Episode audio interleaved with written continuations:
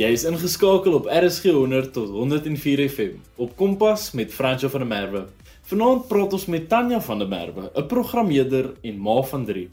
Baie nuwe kinders en jong volwassenes het onlangs met 'n nuwe fase van hulle lewe begin.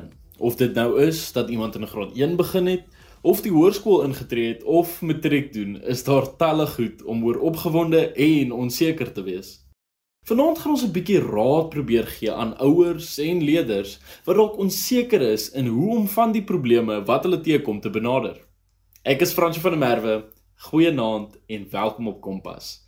Julle is hier saam met my vir die volgende rukkie. Jy kan laat weet wat vir jou die grootste hindernis op skool was en hoe jy dink jy dit nou sou benader. En ons stuur op 45889.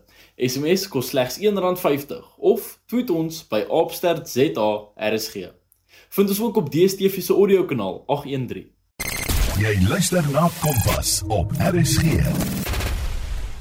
Die eerste maand van die jaar is verby en baie leerders is nou weer vol aan die skoolwerk. Ek weet beslis ek is bly om nou klaar te wees met skool.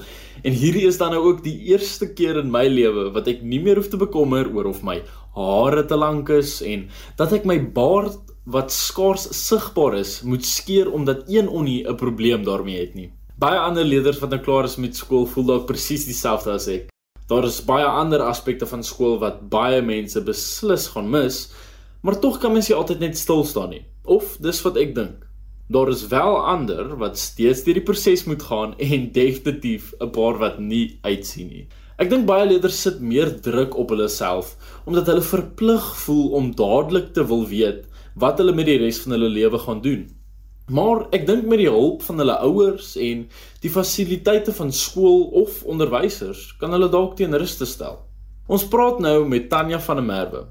RSG, jou keuse tussen 100 tot 104 FM. Hallo Tanya, uh, kan jy dalk kortlik ons 'n bietjie meer van jouself vertel? Um, hallo François. Ek is die ma van 3 seuns en in totaal het my seuns 16 jaar lank al skool gegaan tussen die drie van hulle. Die jongste een is hierdie jaar in matriek, so ek het goeie ondervinding van kinders wat skool toe gaan, kinders wat klaar maak met skool. Ja, en dit was nog altyd vir my lekker om deel van hulle lewe te wees en ook deel van hulle groot word, om saam met hulle te groei en te sien hoe hulle al die verskillende fases deurgaan tot die jong mans wat hulle op die oomblik is ek werk in IT. Ek is 'n analyst developer. Ek geniet my werk verskriklik baie, veral die probleemoplossing aspek daarvan. Ek sê altyd ek het gelukkig op die regte plek beland want ek het nie geweet wat ek wil word nie en toe per ongeluk in tegnologie beland en ek geniet dit verskriklik baie. Geniet dit om mense ook te help in my werk om te sien hoe hulle groei Dit is maar wat ek doen en van COVID af is ons gelukkig genoeg om van die huis af te werk. Van hierdie jaar af lyk dit gaan ons so stadig maar seker begin terug aan kantoor toe, maar ek dink jy ons gaan ooit weer 100% van die kantoor af werk nie. Ons sal seker maar altyd bietjie van die huis af en bietjie van die kantoor af werk. Vertel my dalk van jou drie kinders en hoe die ervaring was om hulle nou deur laerskool en hoërskool te sit.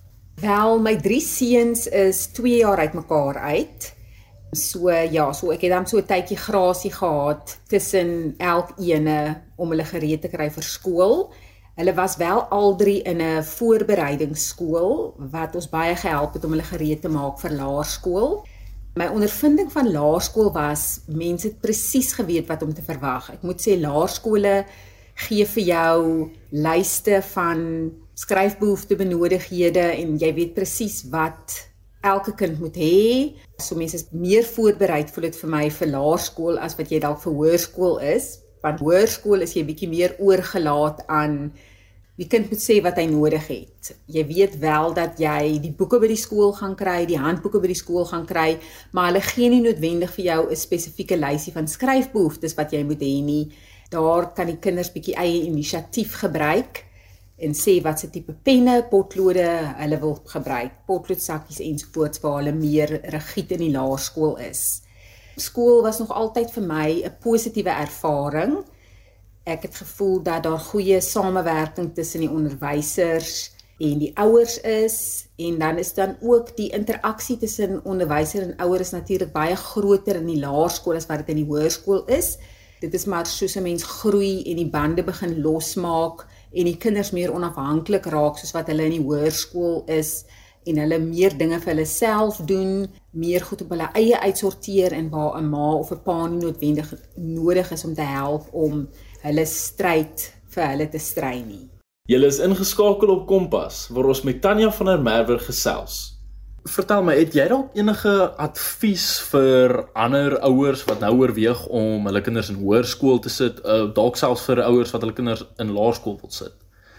Ek dink dit is belangrik om 'n laerskool en 'n hoërskool miskien te kies in jou omgewing wat nie te ver van die huis af is nie dit maak dit net makliker want daar is sportbedrywighede, naskoolse aktiwiteite wat moet gebeur en veral vir die rondry skool toe terugkom huis toe miskien in die middag weer skool toe vir sport. Dit maak dit net die logistiek rondom dit maak dit baie makliker. So dit is definitief iets wat ek sal aanbeveel. Kies 'n laerskool in jou omgewing.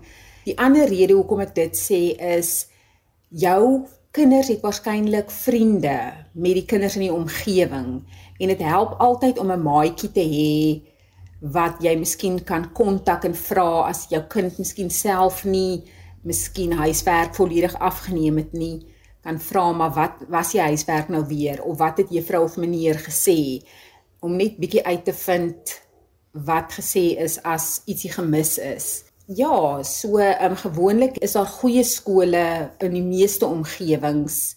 So dit sal my grootste advies wat ek vir ouers kan gee sal dit definitief wees.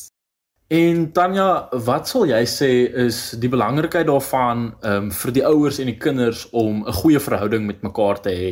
Sal dit dalk enigstens 'n bietjie help met die ehm um, kinders wat nou deur hulle skoolloopbaan gaan? Ek dink dit is definitief baie belangrik. Die ding is dit is belangrik vir ouers om in voeling te bly wat aangaan in hulle kinders se lewe, wie hulle kinders se vriende is, waarmee hulle besig is. Ek dink soos mense kinders se hoërskoolloopbane betree, raak dit al hoe moeiliker want die kinders begin hulle losmaak van ma se rokspante as ek dit so kan stel en hulle begin miskien meer en meer eksperimenteer. Hulle begin meer hulle eie identiteit soek. Ek het ook nou die dag 'n interessante stukkie raak gelees waar hulle sê kinders raak veral rebels in hoërskooljare want dit maak dit vir hulle makliker wanneer hulle die huis moet verlaat. Maar ek dink dit is belangrik as 'n mens kan en as jou kinders jou toelaat om die kommunikasiekanale tussen hulle oop te hou en dat hulle net altyd moet weet dat jy as 'n ouer ons wil net die beste vir ons kinders doen en ons is daar om hulle te help en by te staan as hulle ons nodig het.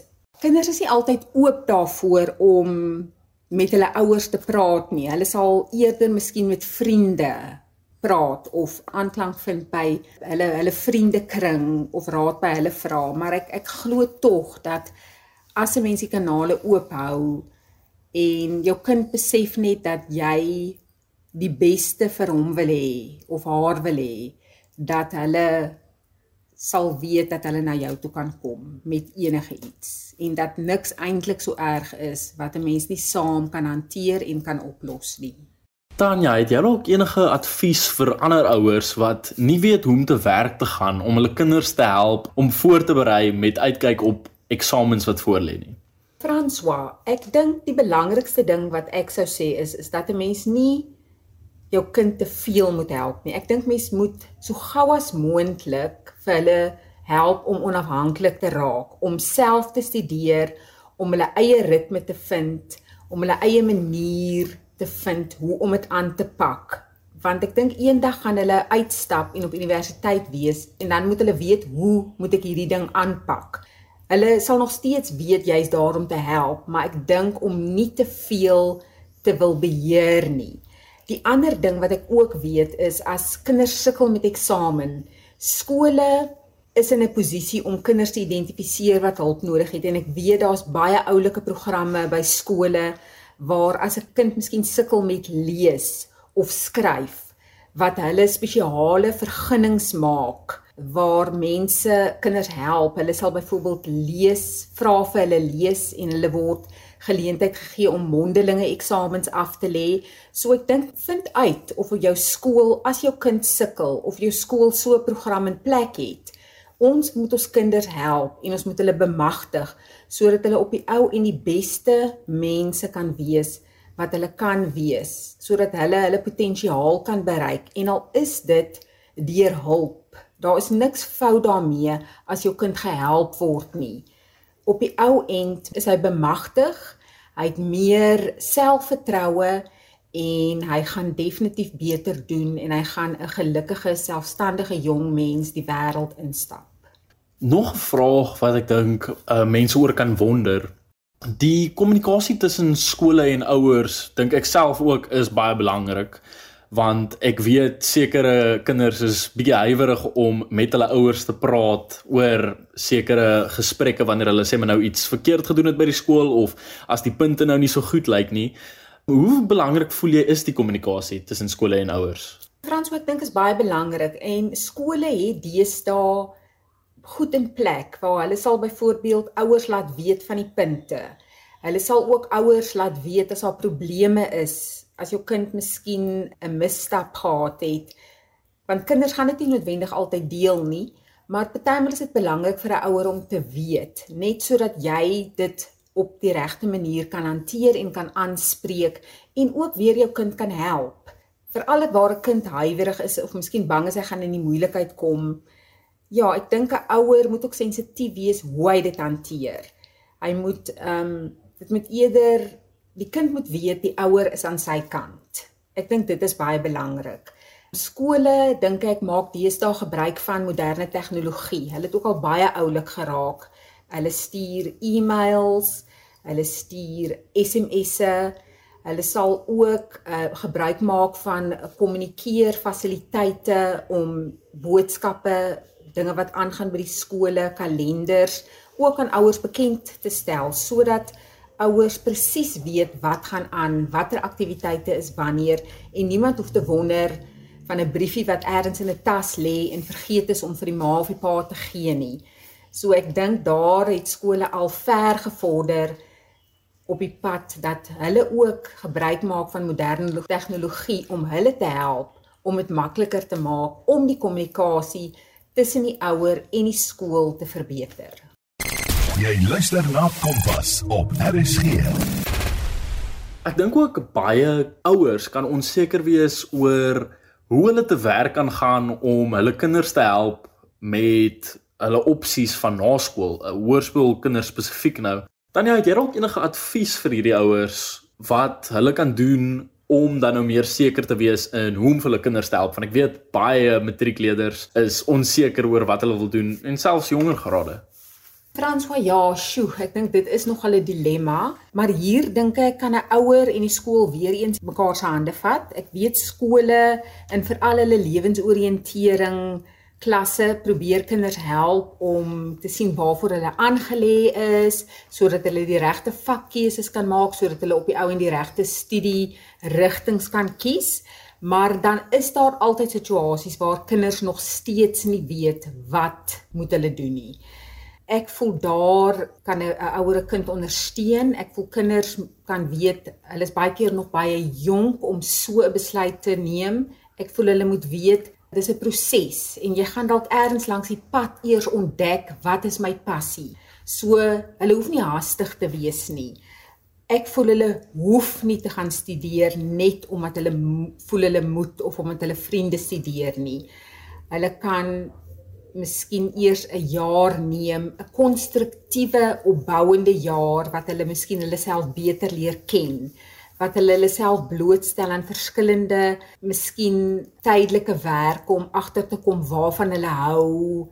En so het ek al ook oor my pad mense teëgekom wat op so 'n wyse hulle passie ontdek het en dan op die regte plek beland het.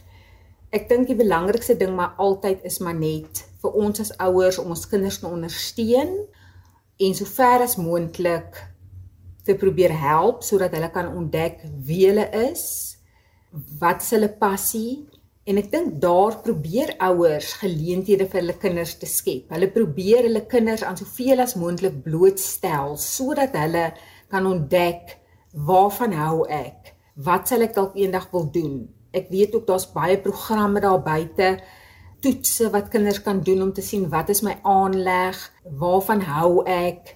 So daar is ook instrumente om ouers te help, om hulle kinders te help om die regte besluit te neem. En dan soos ek sê, die belangrike ding is vir kinders om te weet jy mag maar van plan verander. Die besluit wat jy nou neem is nie die alfa en die omega nie. Jy kan dalk miskien van studie rigting verander as jy langs die pad agterkom maar ek het gedink dit is wat ek wil studeer maar nou kom ek na my eerste jaar agter maar dit is nie wat ek gedink het ek wat dit behels nie. Verander van rigting. Moenie net voortgaan omdat jy dink dit is nou wat ek gekies het, so dit is wat ek moet doen nie. So ek dink 'n mens moet oop wees vir verandering, vir ontdekking. Weet dit is 'n proses. So dit is maar net wat ek sou sê. Ek sal ook daai raad vir miskien hoërskoolleerders gee, nie net vir ouers nie. Baie dankie aan Tanya van der Merwe. Ek hoop dat almal wat op skool is en dit onaangenaam vind, net sal vasbyt, want die einde is in sig en voor jy weet, is dit verby in 'n oogwink. Jy kan weer na die program luister op www.rsg.co.za.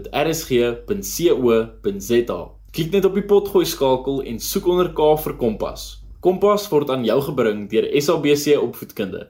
Van my, Fransjo van der Merwe, hê 'n lekker aand verder.